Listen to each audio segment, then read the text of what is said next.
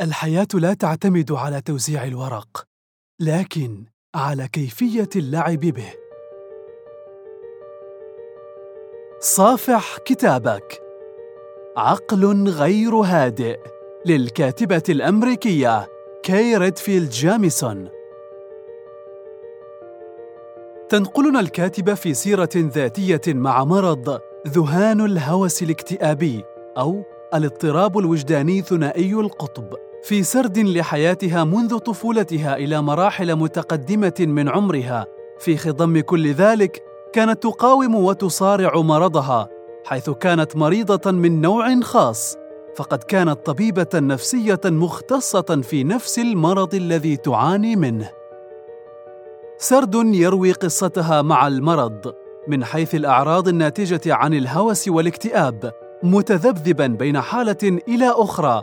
وعن الهلوسات التي كانت تصيبها وتدافع الأفكار الغزيرة التي كانت ستفقدها عقلها. تأتي مرحلة البوح بمرضها لزملائها ومن تثق فيهم من المقربين لتبدأ رحلة علاجها من مرض ذهان الهوس الاكتئابي عن طريق تناول العقاقير. وكيف هي الطبيبة العارفة بحالتها؟ حاولت أن تتجاوز محنتها دون أخذ علاج طبي عقاقير. والاقتصار على جلسات العلاج النفسي إلى أن تقتنع بعد مرورها بأيام مظلمة أن العلاجان متكاملان ولا يمكن الاقتصار على أحدهما دون الآخر. عامل آخر يضاف إلى العلاج الطبي والنفسي الحب والحنان والدعم الذي يحتاجه المريض. في فصول متفرقة ستظهر كيف كان دور الأم الحنون مفصليا. في دعمها لتخطي أسوأ مراحل مرضها.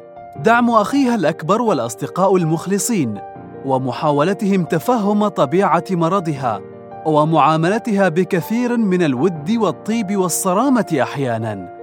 دور زملائها الأطباء في منحها الثقة والدعم المستمرين بالنظر إليها كباحثة في المجال النفسي. وسبل العلاج والوقوف وراء حقيقة أسباب ونتائج ذهان الهوس الاكتئابي وكيف ساعدها مرضها بالإحساس الحقيقي لطبيعة المرض وتشخيصه انطلاقا من حالتها الخاصة وحالات مرضاها.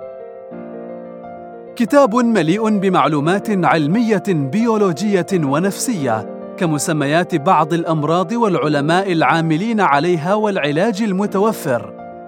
الأمل في العلم عبر تحقيقه أكبر عدد من الاكتشافات للأمراض المستعصية المزمنة خاصة الوراثي منها الذي يندرج تحت إطاره ذهان الهوس الاكتئابي. للفن نصيب أيضا حيث تذكر حبها للقراءة وإدراجها لاقتباسات من أعمال مؤلفين معجبة بهم من روائيين ومسرحيين وحبها للموسيقى. عقل غير هادئ. لكاي ريدفيلد جاميسون مع تحيات سالم بشير.